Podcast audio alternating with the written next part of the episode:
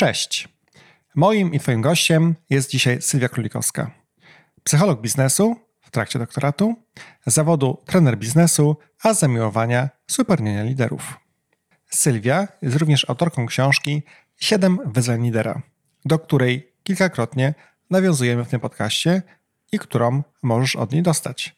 A na blogu nowoczesnylider.pl znajdziesz informacje, co zrobić, aby to się stało. Sylwia jest również mówcą i trenerem od ponad 17 lat pracującą z najróżniejszymi firmami. I jak przeczytałem na jej blogu, przeszkoliła już ponad 21 tysięcy liderek liderów. Zapraszam na najnowszy odcinek podcastu Nowoczesny Lider.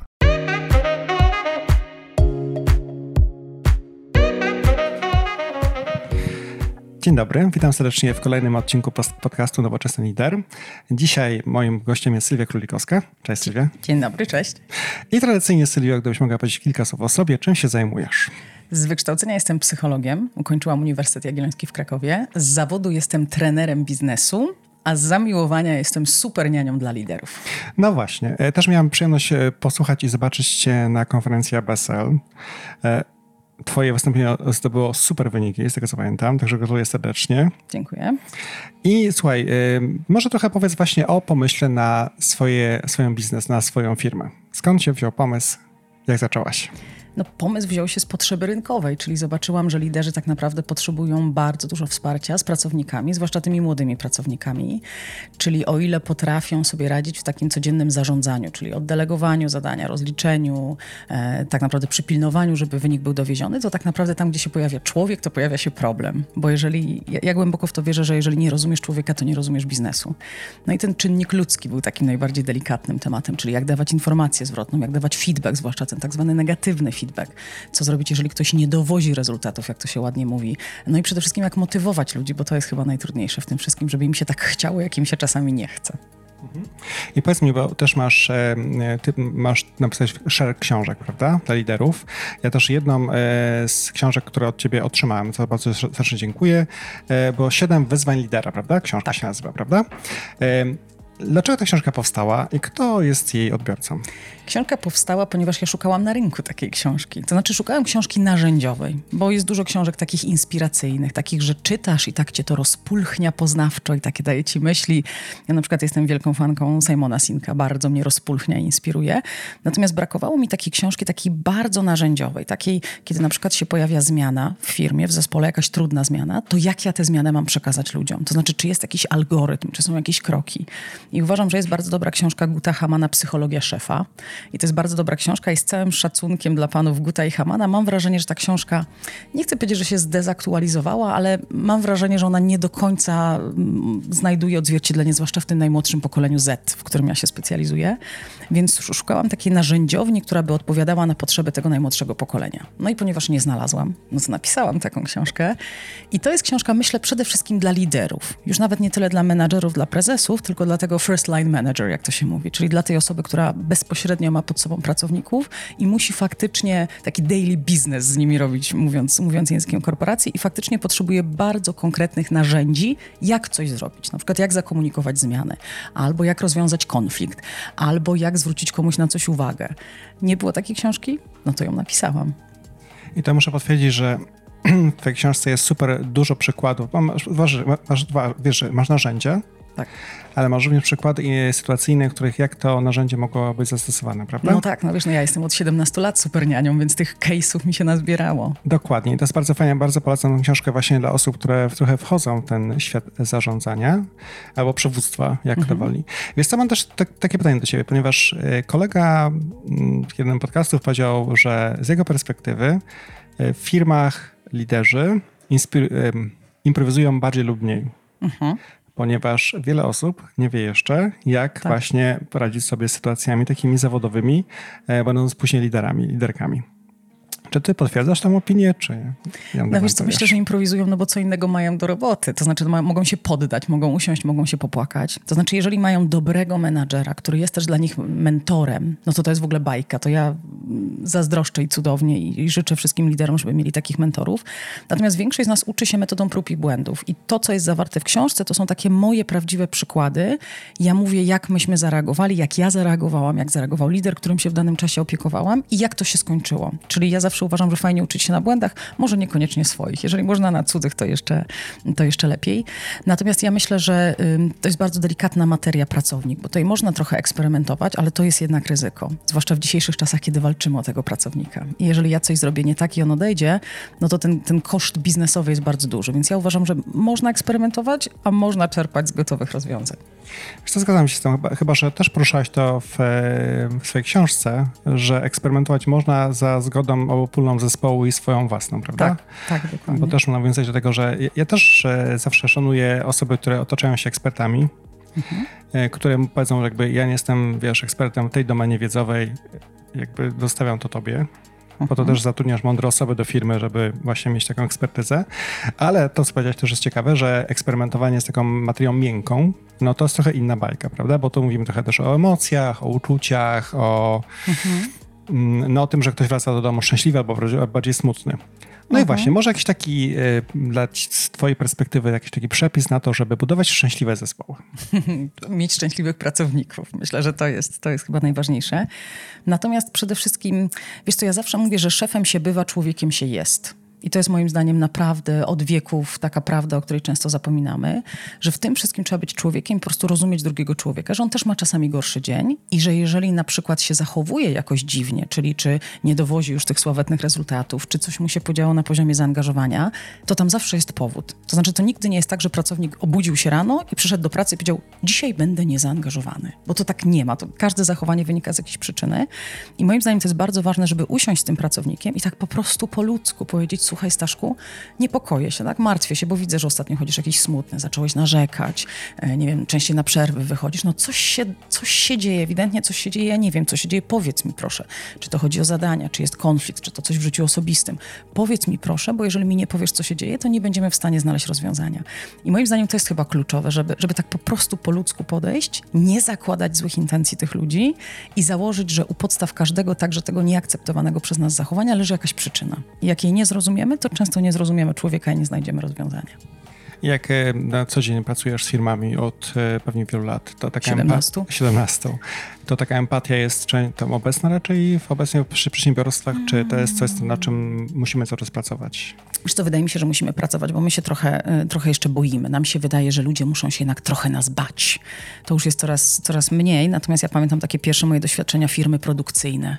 To tam pan brygadzista, pan kierownik, pan majster, to oni faktycznie zarządzanie przez tak zwany zamordyzm, czyli trzeba krótko trzymać ludzi, jak oni się będą bali, to będą słuchali. Ja pamiętam, że ja wtedy wchodziłam z takim komunikatem, panowie, duże psy nie szczekają. I teraz albo będziesz takim chihuahuą, który po prostu tak tutaj szczeka na tych ludzi, albo będziesz rottweilerem, który jak idzie po ulicy, to on się nie musi odzywać, bo wszyscy go szanują. Ja ci powiem, że to widziałam, że na tych panów działa, więc ja mówię, jesteś chihuahuą, czy jesteś rottweilerem? Tak? Duże psy nie szczekają. Więc, więc ja mam wrażenie, że to, e, że, że, że, że to gdzieś tam działało. Natomiast to młode pokolenie no już trochę zarządza tak, jak same chciałoby być zarządzane. Czyli, czyli oni mówią, że ja bym chciał, żeby mój szef ze mną rozmawiał, żeby mój szef mnie szanował, żeby mój szef tłumaczył, dlaczego coś ma być zrobione, bo to młode pokolenie nie robi dlatego, że musi. To młode pokolenie musi rozumieć, dlaczego coś ma być zrobione. Więc ja myślę, że z tą empatią jest, jest w porządku. Chyba, chyba nawet czasami za bardzo, bo taką największym wyzwaniem dla młodych liderów jest, jak ja mam komuś zwrócić uwagę. Potem ktoś się obrazi, ktoś pomyśli, że nie jestem fajny. I to jest, myślę, dla nich największe wyzwanie. To też ciekawe, co mówisz, bo y, co prawda ja rozmawiałem z milenialsami, mhm. czy może coś się zmieniło, natomiast y, to w ogóle pierwszy podcast, który nagraliśmy z milenialsami właśnie i mm, tam jeden z elementów przewodnich było to, że koleżanki, koledzy, którzy byli zaproszeni, bardzo szukają proaktywnie mm, feedbacku, mhm, znaczy tak. informacji zwrotnej jakiejś. Tak. I oni mówili bardzo, że to jest w porządku, jakby dostawać feedback, konstruk oczywiście konstruktywny, mhm. wiadomo, profesjonalny i na temat. Natomiast są mm, przezachwyceni byli, jak dostawali taki właśnie, bo to pomogło im się rozwijać szybciej i lepiej. Mhm. Prawda? Tak, tak. To, czy wiesz co, bo to będzie przy milenialsach i uwaga, postmilenialsach, mhm. bo my już mamy powoli postmilenialsów na rynku, czyli tak zwane pokolenie Z. Mhm. Amerykanie mówią iGen, czyli iGeneration. Oni są urodzeni po 95. To jest pokolenie, które jest przy przygotowane do takich szybkich informacji zwrotnych, krótkich. To nie jest pokolenie, które będzie czekało pół roku albo rok, żeby usłyszeć, że coś robi dobrze. I to jest pokolenie, które niekoniecznie musi dostać taki długi elaborat, taki, że wiesz, tam Staszku, oczy mi zaszły mgłą rozkoszy, jak zrobiłeś to zestawienie. To, no w ogóle to nie jest ten styl komunikacji. To musi być takie krótkie, do brzegu, do brzegu, jak ja mówię, natomiast taki dopaminowy shot troszeczkę, takie I like it, I like it. Że oni wolą takie krótkie I like it, niż jakiś taki długi elaborat raz na pół roku, bo to ich po prostu mniej motywuje. No wiesz, Twitter miał 160 znaków już niedawno, prawda? Więc trzeba się byłoby streszczać no, w tych dokładnie. przekazach. I to jest taka trochę twitterowa komunikacja, to jest dokładnie. Dokładnie. No właśnie, y, to właśnie nawiązując jeszcze do, właśnie do, do tego generacji Z. Tak? Z, tak. Z, Z, właśnie. Powiedz mi może jeszcze, czego my jako liderzy mhm. Y, powinniśmy się spodziewać. Ja zadam ci jeszcze później drugie pytanie, że zadam już teraz, ale chciałbym też może potencjalnie usłyszeć twoją poradę. Jak budować pomosty między osobami w moim wieku, nie jestem na pewno Zetką, mhm. nawet nie jestem milenialsem, a właśnie tymi młodymi pokoleniami, żeby jeszcze cały czas trzymać jakiś kontakt w miarę. Mhm. Znaczy w ogóle jesteśmy teraz tu i teraz jesteśmy w takim, nie chcę powiedzieć trudnym, ale wyzwaniowym momencie, bo mamy na rynku cztery, a nawet pięć pokoleń pracowników. W tym momencie mamy, mamy na rynku bardzo wiele pokoleń. Mamy na pewno to pokolenie baby boomers, czyli to są tacy ludzie e, urodzeni w latach 50., 60., czyli po II wojnie światowej. Oni są na rynku pracy i oni są aktywni. Mamy pokolenie X, czyli urodzone właśnie w, przed, przed rokiem 80 e, 90. Mamy potem milenialsów, czyli właśnie ludzi urodzonych 1980-95. No i mamy to pokolenie Z. Oni są urodzeni w 95, więc oni powoli wchodzą na rynek. Więc to jest bardzo duże wyzwanie, bo mamy kilka pokoleń, które muszą ze sobą pracować. Natomiast ja mam wrażenie, że dlatego też tak modny jest ten trend diversity, takiego, takiego łączenia różnorodności. I to jest bardzo moim zdaniem potrzebne, bo na przykład to starsze pokolenie, jeżeli mogę tak powiedzieć, to jest pokolenie, które jest na przykład bardzo cierpliwe. To jest pokolenie, które też ma taki trochę etos pracy, ale z drugiej strony to jest pokolenie, które od młodych może się nauczyć niekoniecznie lenistwa, bo my często myślimy, że oni są leniwi. Oni nie są leniwi, oni są wygodni. To znaczy, po co coś robić na okrągło, po co się zmęczyć, jak można coś zrobić szybciej. Więc to jest też takie pokolenie, które tak naprawdę jest skłonne wymyślać dużo fajnych usprawnień, że ono nie, nie, nie ma już taki, takiego poczucia, że tak trzeba się zmęczyć, żeby coś osiągnąć, żeby być dumnym. Więc myślę, że tego możemy się od siebie e, wzajemnie uczyć. Natomiast do tego też trzeba moim zdaniem inspirować i zachęcać. Czyli nie wchodzić w taki klimat, że a ci młodzi, a kiedyś to było. Bo jak my wszyscy wejdziemy w taki klimat, że a ci młodzi, a kiedyś to było, no to tam nie ma szacunku i nie ma uczenia się. E, ja mam syna, który jest urodzony w roku 2009, ja się mnóstwo od niego uczę. Mnóstwo. On ma 10 lat, a ja już po prostu obserwuję. Mówię, synu, to niesamowite, jak ty myślisz w ogóle, nie? Daj mi się zainspirować, może mi też będzie w życiu łatwiej. Więc ja myślę, że ten szacunek jest, e, jest bardzo ważny. E, natomiast to pokolenie Z, bo myślę, że to jest bardzo ważny temat to jest takie pokolenie, które jest pierwszym pokoleniem, które nie pamięta świata bez internetu. To jest rok 1995, to był ważny rok. Nie chodzi mi o to, że wtedy powstał zespół Ich Troje, tylko o to, że wtedy tak naprawdę e, internet został spopularyzowany. E, I wtedy też mamy taki początek pokolenia Z. Więc to jest pokolenie, które no, od zawsze, nie wiem, czy mogę użyć tutaj nazwy konkretnej wyszukiwarki, googlowało, po prostu googlowało. No, Możesz to, wszystkie... To, to, trzeba powiedzieć wprost. Znaczy, to, to jest takie tak. pokolenie, które jak miało jakąś wątpliwość, to ono nie musiało się jakoś samo rozpulchniać myśleć, ono po prostu googlowało. A co więcej, to jest pokolenie już nawet nie Google, tylko bardziej YouTube'a. I to też jest ważne. Bo ja na przykład jak obserwuję młodych pracowników, którzy przychodzą do pracy i uczymy ich czegoś, mm, takie induction, onboarding, ja mówię, czemu ty nie notujesz? On mówi, bo to na pewno gdzieś jest. Ja mówię, gdzie jest? On mówi, no na YouTubie. Ja mówię, co ty opowiadasz w ogóle? Na jakim YouTubie? Zanotuj to. I na przykład widzę, że liderzy mają coraz częściej takie wyzwanie, że przychodzą i mówią, Sylwia, oni zadają te same pytania albo oni popełniają te same błędy.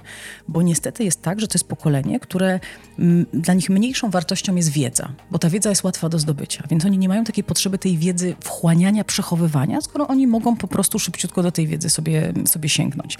Więc oni też, niestety mamy takie badania, które pokazują, że oni się trochę trudniej uczą i ten LTM jest taki troszkę mniej pojemny, czyli long term memory, pamięć długoterminowa.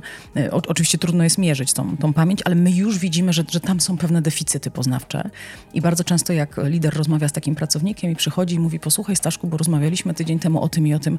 I Staszek mówi, nie, nie rozmawialiśmy. A lider mówi, no co ty rżniesz głup, przecież rozmawialiśmy. A Staszek mówi, nie, nie rozmawialiśmy. I ja zawsze takiemu liderowi mówię, posłuchaj, on może naprawdę tego nie pamiętać. On może naprawdę tego nie pamiętać, bo to jest pokolenie bardzo rozproszone. Oni przez to, że są cały czas z nosem w telefonie, to oni też są rozproszeni. I moim zdaniem te wyzwania poznawcze to będzie duże wyzwanie dla, dla liderów, bo trzeba będzie z nimi troszeczkę inaczej pracować. To znaczy na przykład nie mailować Bo to jest pokolenie, które nie czyta ze zrozumieniem, w ogóle maili nie czyta. Więc trzeba będzie na przykład zamiast newsletterów to wideoletery do nich wysyłać. Więcej z nimi twarzą w twarz rozmawiać i na przykład nie mówić do nich tak, jak się deleguje zadanie, to, to się nie denerwuj, ja ci jeszcze maila wyślę. Nie, nie, nie, bo oni się w ogóle wyłączają. Trzeba powiedzieć, posłuchaj, co ja do ciebie mówię, a potem wyślij mi maila z podsumowaniem, bo to będzie dla mnie feedback, że się dobrze zrozumieliśmy. Czyli to jest takie pokolenie, do którego trzeba troszeczkę inaczej podchodzić ze względu na te deficyty poznawcze, bo naprawdę, naprawdę będzie trudno, moim zdaniem.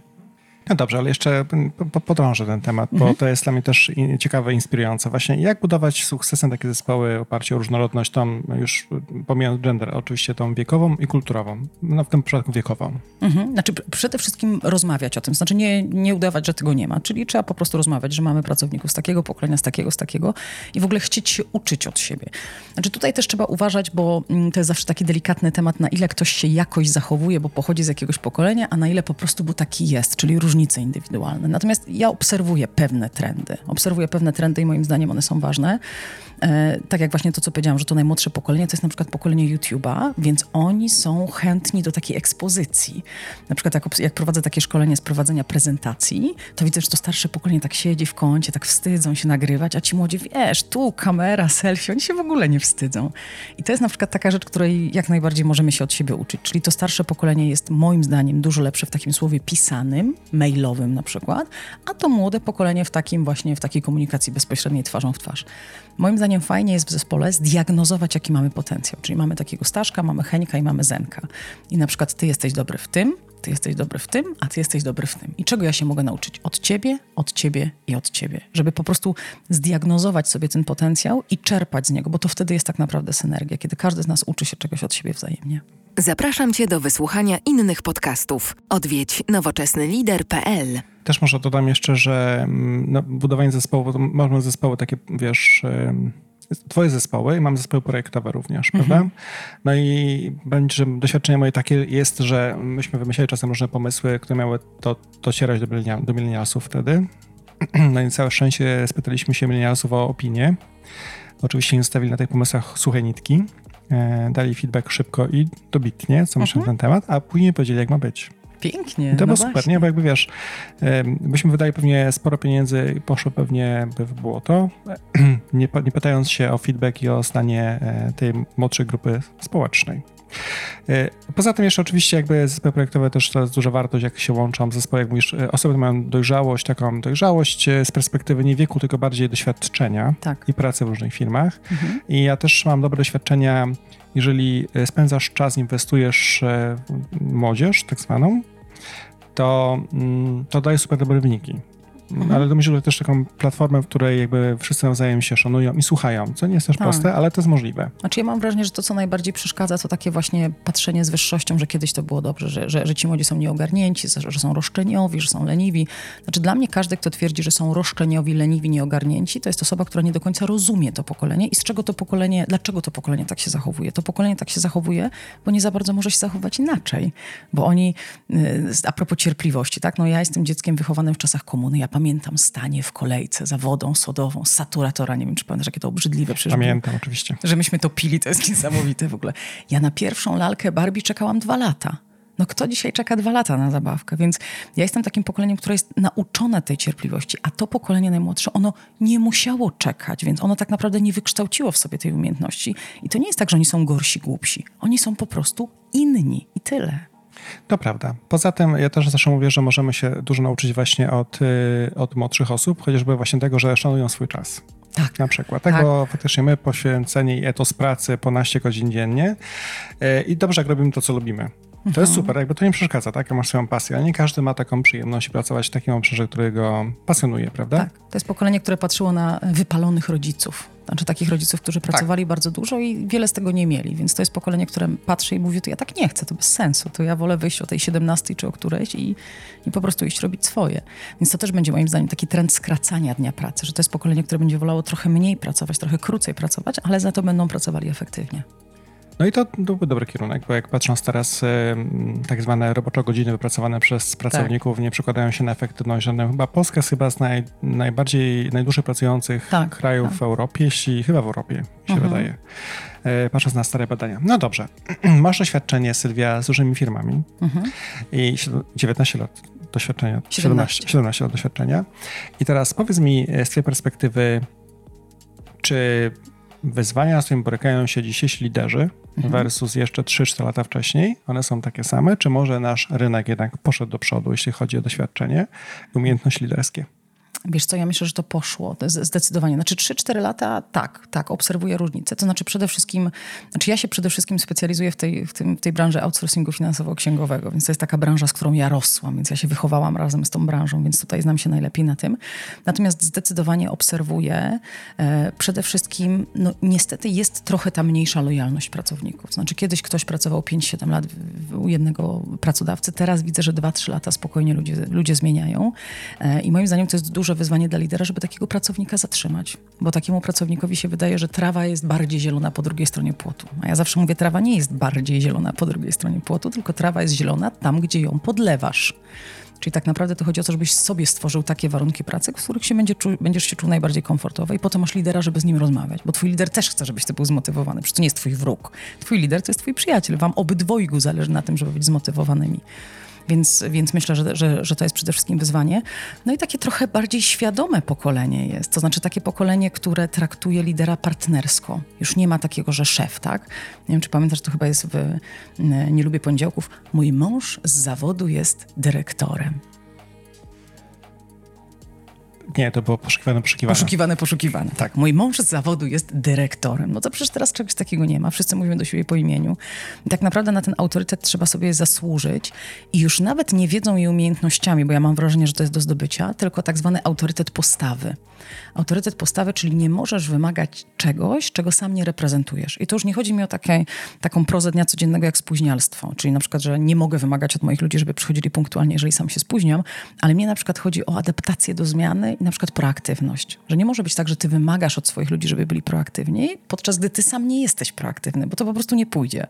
I o ile jeszcze parę lat temu, no gdzieś tam, no okej, okay, no on jest dyrektorem, jemu więcej można, więcej wolno, tak naprawdę dzisiaj zespół patrzy i mówi, ej, ej, ej, ej, ej, ty wymagasz od nas proaktywności, a sam nie jesteś proaktywny. Sprawdzam. Sprawdzam, tak. Tak, tak. No taka integralność jest chyba istotna jeszcze Kluczowa. bardziej niż kiedyś, prawda? Tak. E, jak to się mówi po angielsku, lead by example i jakby mów to, Rób to, co mówisz, tak, tak, naprawdę. Nie? Natomiast ja mam też wrażenie, że wiesz, wyzwaniem jest złapanie takiego balansu. Dla mnie takim dobrym przykładem jest zarządzanie zmianą, bo mm, jak jesteśmy liderami, to zawsze będziemy mieli taką sytuację, że trzeba będzie zakomunikować zmianę, z którą się nie do końca zgadzamy.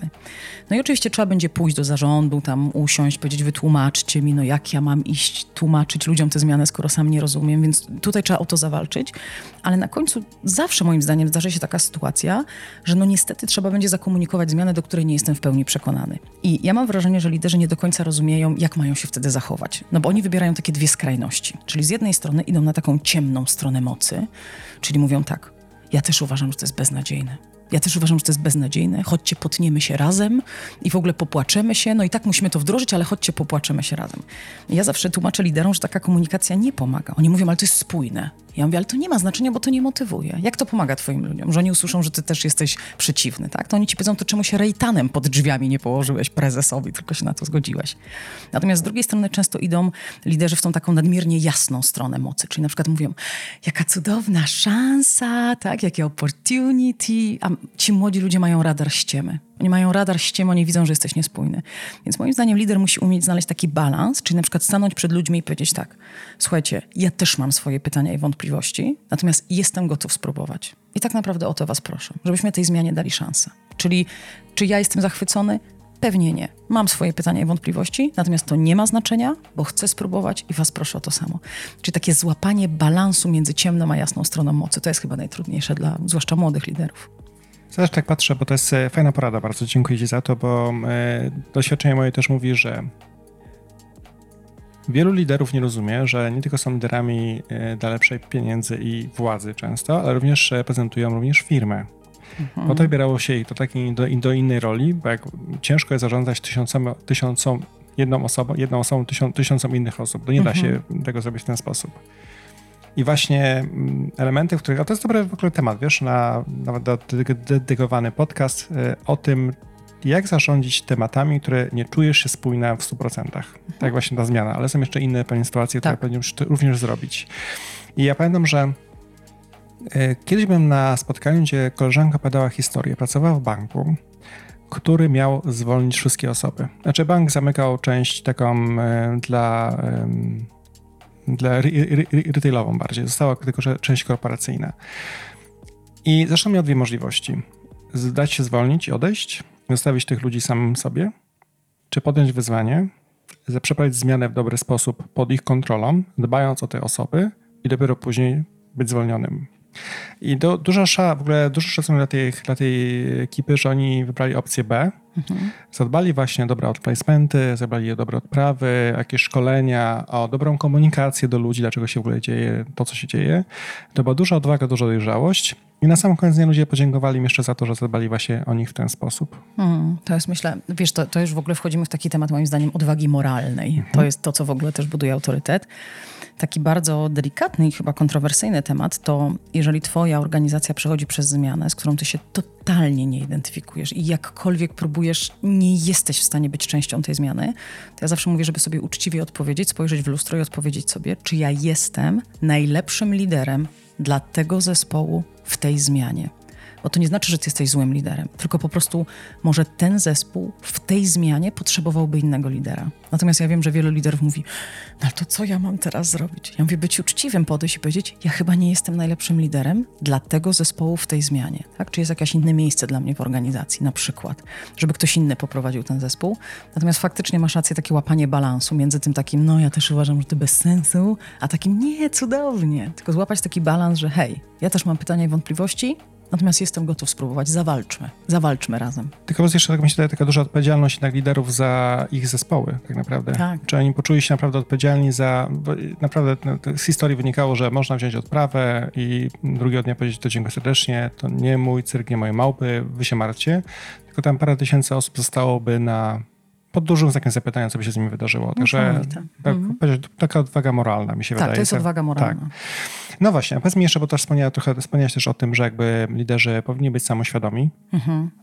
I właśnie pytanie, czy jestem dobrym liderem w tym miejscu, w tej, w tym, w tej zmianie. Dla tego zespołu w tej zmianie. Tego zespołu, w tym czasie i tak dalej.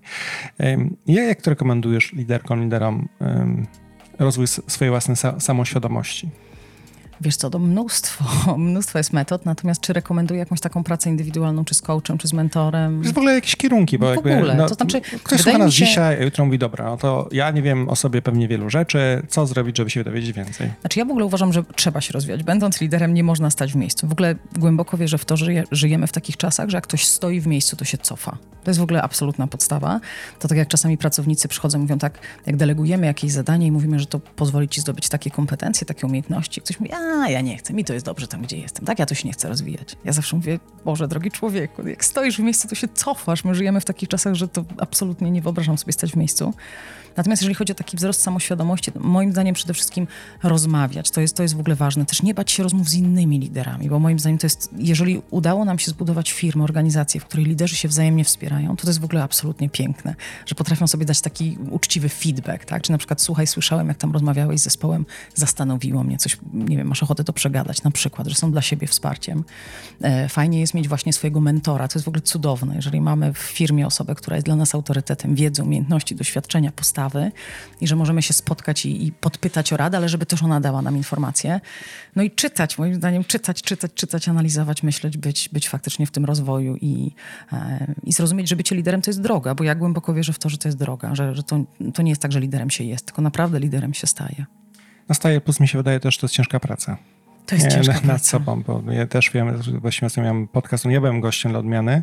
Ja pamiętam, że jakbym spojrzał na siebie pewnie 5 lat temu, to powiedziałbym, Boże, co ty, co ty człowieku ty robiłeś mhm. e, z tymi ludźmi i tak dalej, patrząc z perspektywy dzisiaj. Pewnie za 3 lata spojrzę wstecz, też powiem, Boże, Sebastian, jak mogłeś tak się zachować? Może nie aż tak bardzo, wiesz, mhm. E, drastycznie, ale pewno, że były takie momenty w życiu, w których nie jestem dumny, w sensie mhm. mogę zachować się dużo lepiej. No ale to jest wiesz, ta samoświadomość, którą masz, to jest w ogóle bezcenne. Większość ludzi nie dochodzi do tego momentu, więc to... E, być może, natomiast zawsze mówię jakby dobrze nauczyć się na tych błędach i nie eksperymentować z tym obszarem tkanką miękką tak. zespołu, bo jakby to jest granie na czyichś uczuciach i na mm. emocjach, ale to widzisz, nie dlatego okay, na przykład ja proponuję szkolenia. Ja zawsze mówię do ludzi, że szkolenia to jest taki fajny moment, to jest takie trochę laboratorium. Ja wiem, że to jest sztuczna sytuacja i tam nie siedzi naprzeciwko twój prawdziwy pracownik, ale to jest dobrze sobie poćwiczyć i takie jedno z ulubionych szkoleń, które prowadzę pracy to jest tak zwane HDC, czyli Handling Difficult Conversations, czyli ćwiczymy prowadzenie trudnych rozmów. I to uczestnicy mówią, jakie to są dla nich trudne rozmowy i po prostu to ćwiczymy, czy w, w rolę pracownika wciela się inny uczestnik, czy ja się wcielam. I to jest niesamowite. I oni czasami na szkoleniu mówią, co ty w ogóle za case'y wymyślasz? Takie rzeczy się nie dzieją w ogóle. A potem pół roku później piszą do mnie, ty czarownico, to wszystko mi się wydarzyło. A jaki przykład, Sylwia, może jakieś takiego case'u? Wiesz co, który... na przykład taki temat, y, no, no w ogóle lato idzie. Lato idzie, więc będziemy mieli dużo takich delikatnych tematów, wiesz, czy zapach. Jest bardzo delikatny, uważam, jeden z trudniejszych. Jeżeli borykacie się z tym, to na YouTubie, jak wrzucicie w wyszukiwarkę, jak powiedzieć pracownikowi, że brzydko pachnie, to wyskoczy mój 15-minutowy tutorial. Ja nagrałam tutorial, jak to powiedzieć, więc jeżeli się borykacie, to jest. Ale wiesz, takie tematy, które wydają się niby prozaiczne, ale są moim zdaniem bardzo trudne. To jest na przykład dress code. Jeżeli w firmie macie dress code. Ja miałam w zeszłe lato taką trudną sytuację. Zadzwonił lider taki spanikowany i mówi, Sylwia, ratuj. Przyszła dziewczyna do biura w takiej eleganckiej, szyfonowej bluzeczce, kompletnie przeźroczystej, bez bielizny i po prostu konsternacja. Ludzie nie są w stanie pracować, wszyscy o tym rozmawiają, wszyscy do niej przychodzą, ktoś coś od niej chce, ona nie jest w stanie pracować, zespół nie pracuje i co ja mam zrobić? I śmiechy chichal to jest tak naprawdę trudna sytuacja, no bo teraz co ten lider ma zrobić? Ja sobie nie wyobrażam, że on weźmie tę dziewczynę na jedne, jeden na jeden. Czyli ja mówię do niego po pierwsze, weź drugą team liderkę, kobietę, żeby była dla ciebie wsparciem. Po drugie, no czego ty od niej oczekujesz, tak? Że ona pójdzie do domu, się przebierze? No nie, no, że jakoś coś założy na siebie. Więc przygotuj się do tej rozmowy, weź tę weź te dziewczynę z tą drugą team liderką i powiedz, że Kasiu, chodzi o twój dzisiejszy wygląd, który jest nie do końca zgodny z zasadami biznesowego savoir-vivre. Może to powodować taką konsternację, tak? Wiem, że też niektórzy mogą, mogą się czuć skrępowani twoim dzisiejszym wyglądem. Zarzuć proszę coś na siebie. I to są takie trudne sytuacje, jak to ubrać delikatnie w słowa, żeby nie urazić tej osoby, żeby ona nie wzięła tego personalnie. No i to dużo jest takich, y, takich sytuacji to trzeba uważać na, na moją przekorę. Na przykład, bo ja zadałem pytanie, chciałem zadać pytanie, co to kierowało tego poranka? Idąc do pracy ubrano w taki sposób. Bo, już, tak. bo wiesz, ta e- emocja, która ona pewnie wzbudziła e, wśród mhm. pani, panów, to była, dla mnie to jest, ale co kierowało tą osobą rano? To zawsze dla mnie jest fascynujące. Tak. Skąd ten pomysł w ogóle? Powiem ci, że mnie to też fascynuje, tak, co, co, co, co kierowało, natomiast nie wiem, czy bym zadała to pytanie, nie? Bo to jest takie, nie, czy, ja, czy ja bym chciała usłyszeć tę odpowiedź, tak sobie myślę. Natomiast to jest ciekawa sytuacja, bo ta dziewczyna wdała się w dyskusję bo ja potem analizowałam, jak ta sytuacja się rozwija, ta dziewczyna wdała się w dyskusję, czyli powiedziała po pierwsze, proszę mi wskazać, gdzie jest napisane w naszym dreskodzie, że ja mam, być, mam mieć bieliznę. Jak się domyślasz, to nie jest napisane, więc trzeba tej osobie wytłumaczyć, że no, no takie rzeczy nie są zapisane, natomiast tutaj obowiązują takie ogólne zasady biznesowego savoir-vivre, jeżeli chodzi o dress code. No i druga rzecz, ona powiedziała, że tak naprawdę my ograniczamy jej wolność, bo to jest jej wolność, czy ona nosi bieliznę, czy nie. I to było bardzo ważne, żeby umieć powiedzieć tej, tej, tej dziewczynie, że tak naprawdę twoja wolność kończy się tam, gdzie się zaczyna moja wolność. No bo jeżeli ty przychodzisz, robisz to, co chcesz, ale to wpływa na mnie, no to to jest nie do końca fair. I to jest też ważne, żeby lider umiał to nazwać, że twoja wolność kończy się tam, gdzie się zaczyna moja wolność. Czyli ty możesz sobie robić na open space różne rzeczy, dopóki to nie wpływa na mnie. Bo to jest też taka, takie duże wyzwanie dla wielu liderów, to co się dzieje na open space. Także ja w ogóle podziwiam wszystkich ludzi, którzy pracują na open space, bo tam no, ciągle coś się dzieje, jakieś rozproszenia i to też trzeba umieć zadbać o komfort pracy tych naszych ludzi. To ciekawy przykład przytoczyłeś, naprawdę ciekawy. Masz jeszcze jakieś inne ciekawe, e, trudne dyskusje, e, bo to, to jest naprawdę poziom ekspert. Tak, no to już jest taki bardzo trudny. To, mhm. jest, to jest bardzo trudny.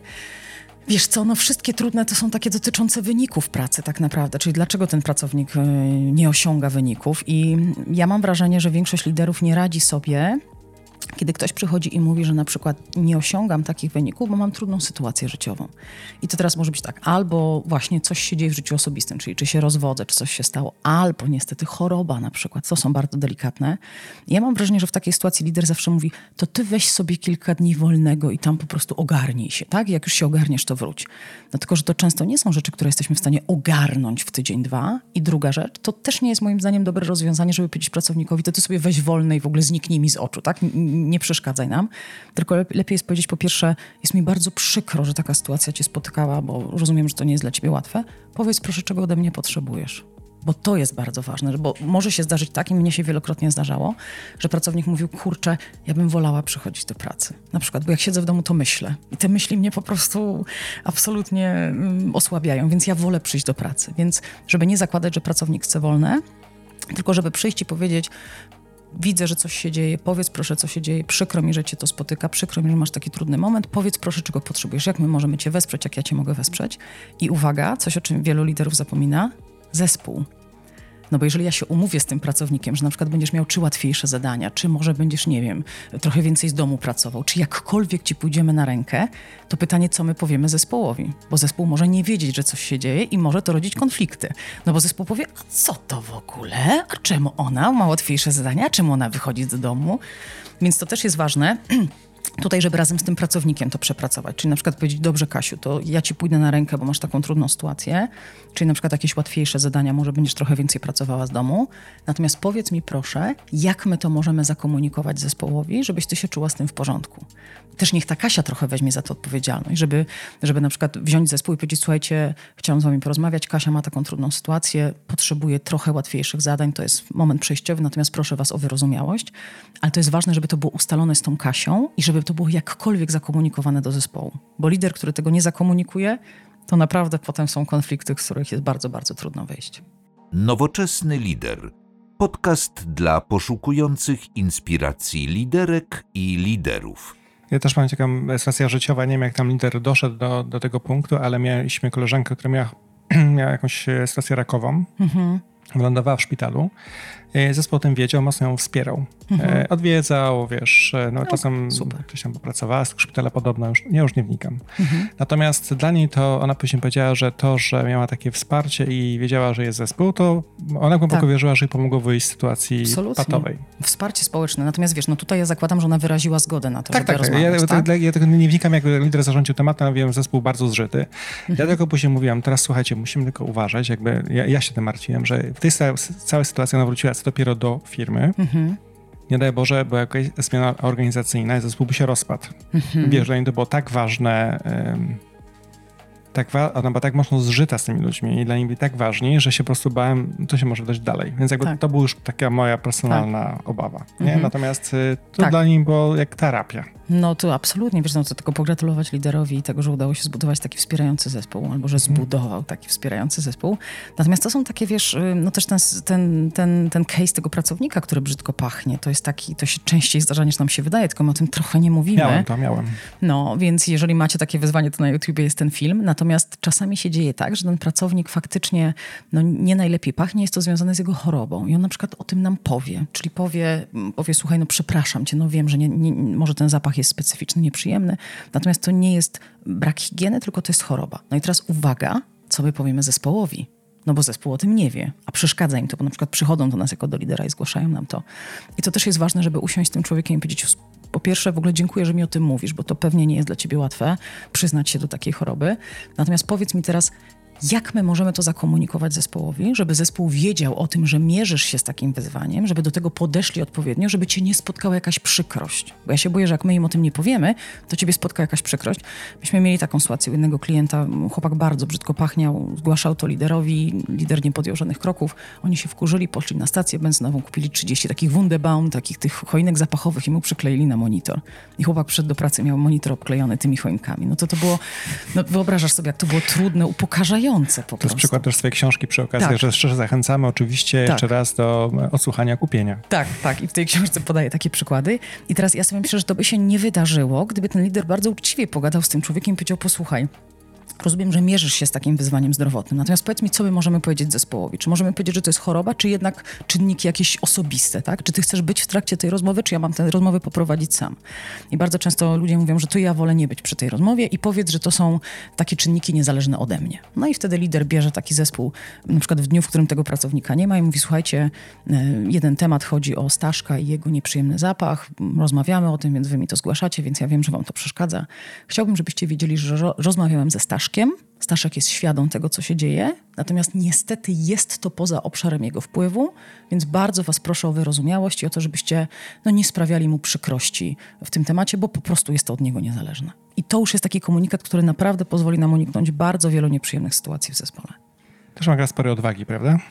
No to jest ta odwaga moralna, która buduje autorytet. Dokładnie, bo też w książce podawałeś przykład, który, no już nie chcę uprzedzać czytelnikom, jaki tam był e, scenariusz Aha. tej trudnej dyskusji, natomiast ona się nie odbyła. Tak. I tam były inne kwestie związane z tą nieodbytą e, tak. dyskusją, prawda? Sylwia, to jeszcze pozwól zadać pytanie, gdzie sama szukasz wiedzy? Jak sama się rozwijasz? Ojejku, no bardzo dużo. Znaczy ja w ogóle bardzo dużo czytam i ja też tak, jak czytam książki, to też szukam odnośników, bo moim zdaniem trzeba uważnie czytać. Jak się czyta, to tam są, tam są właśnie ktoś kogoś rekomenduje, więc ja po autorze często, bo jak czyjaś myśl mnie zainspirowała, to ja w ogóle grzebię dalej, tak troszkę wiesz, po nitce do, do kłębka. E, natomiast też dużo czytam gazet takich branżowych. Faktycznie dużo czytam i tam też zbieram najnowsze badania. E, ja też robię doktorat z psychologii, z charyzmy, więc mam dostęp do tej takiej bazy danych naukowych, więc jestem faktycznie na bieżąco, jeżeli chodzi o najnowsze wyniki badań. No i przede wszystkim ja mam taką metodę, to może dla pań, bo nie wiem, czy dla panów, a ja mam taką metodę, że jak co rano się maluję, to ja w ogóle się nie lubię malować, bo to jest moim zdaniem strata czasu, no ale ponieważ występuję publicznie, to jakoś trzeba wyglądać. I to mi 20 minut zawsze zajmuje rano. Ja się strasznie wkurzałam, że ja 20 minut tracę na coś takiego mało, mało merytorycznego. I wpadłam na pomysł, że przecież ja jak te 20 minut się maluję, to to taki przeciętny TED tyle, tyle trwa, taki TED speech, że one tam trwają 12-16 i ja co rano, jak się maluję, to słucham jednego TEDa, więc jak jest 5 dni takich roboczych, ja się 5 dni w tygodniu maluję, to 5 TEDów tygodniowo. To to jest faktycznie dużo. No i oni tam też faktycznie mają odniesienia do różnych badań, do innych autorów. I ja tak, tak, wiesz, tak w ten sposób sobie łapię. Natomiast staram się wykorzystać każdą okazję, żeby ćwiczyć, uczyć się. Na przykład y, staram się, jeżeli nie muszę jeździć samochodem, jeżdżę pociągami. Dużo jeżdżę pociągami, na przykład Warszawa, Kraków. Tylko pociągiem i całą prasówkę wtedy jestem w stanie zrobić. To jest dobre teraz zarządzanie czasem, prawda? Tak. Tak, to jest takie. A to jeszcze troszkę, troszkę o pomyśl, powiedz mi troszkę o też tym pomyśleniu liderów. Super. Wiesz co, no jestem liderów. nianią liderów, czyli jak jest jakiś problem, to można do mnie zadzwonić, napisać, jestem. E, natomiast przede wszystkim specjalizuję się właśnie w takim rozwiązywaniu trudnych sytuacji, czyli jeżeli jest w zespole właśnie coś się dzieje, widać, że jakiś konflikt się toczy albo coś takiego, to ja tam przychodzę, sprawdzam i albo moimi rękoma, albo najczęściej ja tych liderów tak trochę jestem takim suflerem, tak z tyłu siedzę i tak podpowiadam na ucho, jak to zrobić. I to jest chyba dla mnie największa przyjemność, bo to w sumie liderzy sami prowadzą te rozmowy, sami rozwiązują, potem przychodzą i mówią, kurczę, ale super, jestem z siebie dumny. Ja mówię, no widzisz, mówiłam ci, że dasz radę. Więc to, to działa w tą stronę. No i przede wszystkim prowadzę szkolenia głównie dla liderów, Akademię Lidera, no i to prowadzenie trudnych rozmów. To jest takie, takie moje ulubione szkolenie, na którym ćwiczymy faktycznie. To uczestnicy zgłaszają, jakie to są te trudne rozmowy dla nich i po prostu ćwiczymy do bólu, do bólu, do bólu, aż oni w końcu powiedzą, dobra, jestem gotowy, jestem gotowy. Ja mówię, to i walcz. Więc w tym się, w tym się specjalizuję. Jeszcze powiedz mi, twoje, twoje wykształcenie psycholożki. Tak. Jak bardzo w tym wszystkim jest tobie pomocne? Kluczowe. Ja uważam, że absolutnie jest kluczowe, to w ogóle bez dwóch zdań, bo takie zrozumienie tego człowieka. Ja w ogóle jeszcze wcześniej, zanim, filozof- zanim psychologię, to filozofię studiowałam, jakby tego było mało. To też mi pomaga, powiem ci, ta filozofia, że faktycznie ten taki background filozoficzno-psychologiczny, nie, ja uważam, że to jest absolutnie kluczowe, bo, bo te narzędzia, ja pracuję narzędziami, ale naprawdę to takie zrozumienie, że każde zachowanie wynika z jakiejś przyczyny, że zawsze jest jakaś intencja i uwaga, żeby nie zakładać złych intencji, bo my często zakładamy złą intencję. Ja mówię, nie, naprawdę, no tamten odsetek psychopatów w społeczeństwie to jest bodajże do 5%. Ja zawsze mówię, nie wierzę, że wszyscy pracują w twojej firmie. To jest statystycznie niemożliwe, więc sobie nie wkręcaj, że całe zło świata cię spotyka. I ja zawsze mówię do moich liderów, że to nie chodzi o to, żeby w życiu mieć dobre karty, ale żeby umieć grać tymi, które się ma. I to jest tak i jeżeli chodzi o narzędzia i o procesy, no i trochę o ludzi, bo jasne, żebyśmy chcieli sobie zatrudniać idealnych ludzi, takich, którzy nam pasują. Natomiast tak naprawdę im bardziej różnorodny jest ten zespół, tym więcej my się też możemy nauczyć od tych ludzi. Bo to też jest ważne, żeby lider chciał się uczyć od swoich ludzi. Że, że nie musi być wszechwiedzący, bo to nie o to chodzi, tylko żeby faktycznie umiał się uczyć od swoich ludzi. Podcastu możesz słuchać na platformach Google, iTunes czy też Spotify. Ja też wiesz sobie, patrząc z perspektywy budowania zespołu, to myślę, że też lider musi mieć świadomość, co on chce zbudować.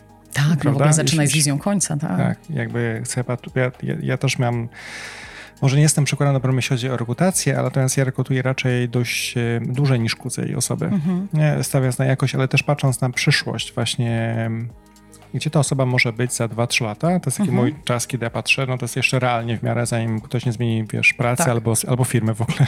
Mhm. Z tym bywa różnie. Natomiast też powoduje jednak, że zespół z góry wie, że myślimy o przyszłości. To jest w ogóle bardzo ważne. Czy ja uważam, że nie ma motywacji bez celu. Wiesz, bo to jest, no jeżeli ktoś ma robić po to, żeby robić, no to to już musi być bardzo głęboka motywacja wewnętrzna. To może w przypadku hobby, a niekoniecznie pracy. I ja uważam, że to jest bardzo ważne, żeby pracować z ludźmi, jaki my mamy pomysł na siebie jako zespół i w ogóle jaki ja mam pomysł na siebie. E, I tutaj chodzi przede wszystkim o takie cele osobiste, że to tak naprawdę motywuje ludzi, że, że często jak ja komuś deleguję zadania, ktoś mówi po co, dlaczego ja, co ja z tego będę miał, to nie widzi dla siebie wartości. To trzeba mu wytłumaczyć, tak? że to jest jakieś kompetencje, jakieś umiejętności. I też taka bardzo ważna rzecz, no jest coraz większe wyzwanie z tą długą perspektywą, taką od 5 lat. Nie wiem, czy pamiętasz takie pytania, jak ty siebie widzisz za 5 lat? To było kiedyś modne, kilka lat temu. Ja do dzisiaj mówię, że jak ktoś przychodzi do mnie i pyta się mnie, gdzie ty siebie widzisz za 5 lat, to ja mówię, u laryngologa, bo mi NFZ termin wyznaczył. Wiesz, to tylko tam się widzę. Natomiast moim zdaniem nie ma sensu pytać ludzi, gdzie ty siebie widzisz za 5 lat, bo to, to się tak zmienia, że to wiesz. Chyba tylko, że to, ten, ten podcast bez wideo jest bez sensu z tobą, Sylwia, bo jakby to było dużo większe urozmaicenie na pewno, to by można było cię nagrać.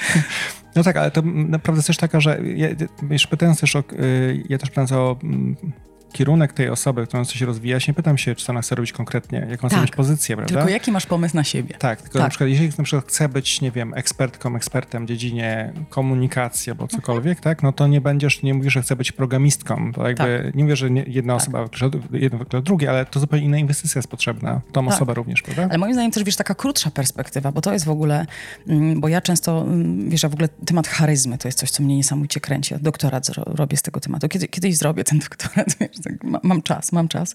Natomiast y, jednym z elementów charyzmy, bo uważamy, że charyzma to jest nie tyle, mm, jak to Max Weber mówił, dar Boży, tylko charyzma to jest bardziej pewien zestaw umiejętności, które można nabyć i doskonalić. Jedną z takich umiejętności, które budują charyzmę jest wizja.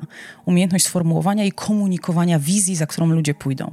No i często jak pracuję z liderami, czyli ten taki first line manager, to nie mówią, Sylwia, jaka wizja? Tutaj nasz prezes ma wizję, ja to tutaj jestem, wiesz, robol tak naprawdę. Ja mówię, nie, nie, nie, ty też musisz mieć wizję, za tym ludzie pójdą. Wizja, jaki ty masz pomysł na ten zespół? Jak myślisz sobie o tym zespole, to tak za pół roku, za rok, jak ty chcesz, żeby ci ludzie pracowali, współpracowali, komunikowali się, jaką organizację, żeby tworzyli? To nie musi być jakaś wizja na tę firmę, tylko jaki ty masz pomysł na ten zespół, jaki ty masz pomysł na tych ludzi. Po prostu to też jest wizja. I oni mówią, a, to ja mam wizję. Ja mówię, no widzisz, masz wizję, od razu lepiej. Też mi się wydaje, że jest trochę połączone też pewnie z jakimiś talentami, nie każdy ma takie wizjonerskie podejście w ogóle do przyszłości, prawda? To troszkę style zarządzania. Tak, tak, w, tą, w tą stronę. Pewnie, pewnie trochę tak jest, natomiast ja myślę, że no, jak się każdego rozpulchnie w tym kierunku, żeby w ogóle zacząć Tak, myśleć wizją, nie? żeby w ogóle zacząć myśleć, znaczy też się nie bać, bo ja mam wrażenie, że wielu liderów się boi tego słowa wizja, że mi się wydaje, że to jest, to jest taki, to nie jest dla mnie, jak będę menadżerem, to tam będzie wizja. Ja mówię, ale ty jesteś liderem, masz prawo mieć wizję. Wizja, czyli pomysł na siebie. Też często mówimy wizja życia. Jaki ty masz pomysł na siebie w ogóle, tak? Za pół roku, za rok, za dwa lata. Nie bój się tego słowa wizja. W ogóle odczarujmy to słowo wizja. Super, Sylwia, bardzo dziękuję Ci za rozmowę. Naprawdę ja osobiście nauczyłem się jak zwykle bardzo dużo. Cieszę się. Też, jeśli możesz wspomnieć, e, na pewno podlinkujemy e, link do Twojego bloga. Super, zapraszam serdecznie. Podlinkujemy również e, linki do książek, Tak. bo to nie była jedna książka, którą napisałaś, prawda? Wiesz to dla liderów jest jedna. Znaczy dla liderów mam jeszcze sporo płyt, bo mam takie jak prowadzić trudne rozmowy z pracownikami, mam też taką płytę jak rozmawiać z szefem. Natomiast jeżeli chodzi o liderów, to ten taki produkt, który jest najbardziej dedykowany, to jest książka 7 wyzwań lidera i to jest 7 rozdziałów i każdy rozdział to jest jeden dzień szkolenia. I to jest taka, takie tygodniowe szkolenie w pigułce. I szczerze polecam, bo jest naprawdę bardzo dużo przykładów, inspiracji i trochę też narzędzi. Dużo narzędzi. Ja uważam, Dokładnie, że najwięcej narzędzi. dokładnie. Tam, przejrzyj sobie ten rozdział o zarządzaniu zmianą. Tam jest, wiesz, siedmiu, siedmioetapowy model, jak komunikować zmiany, to już naprawdę podstawiasz zdania i masz gotowca. Dokładnie, ale e, chodzi mi o to, że właśnie jakby to, to jest dobry właśnie początek, żeby wystartować i później pogłębiać wiedzę dalej, prawda? To jest Tak. naprawdę bardzo, bardzo fajny start. Super.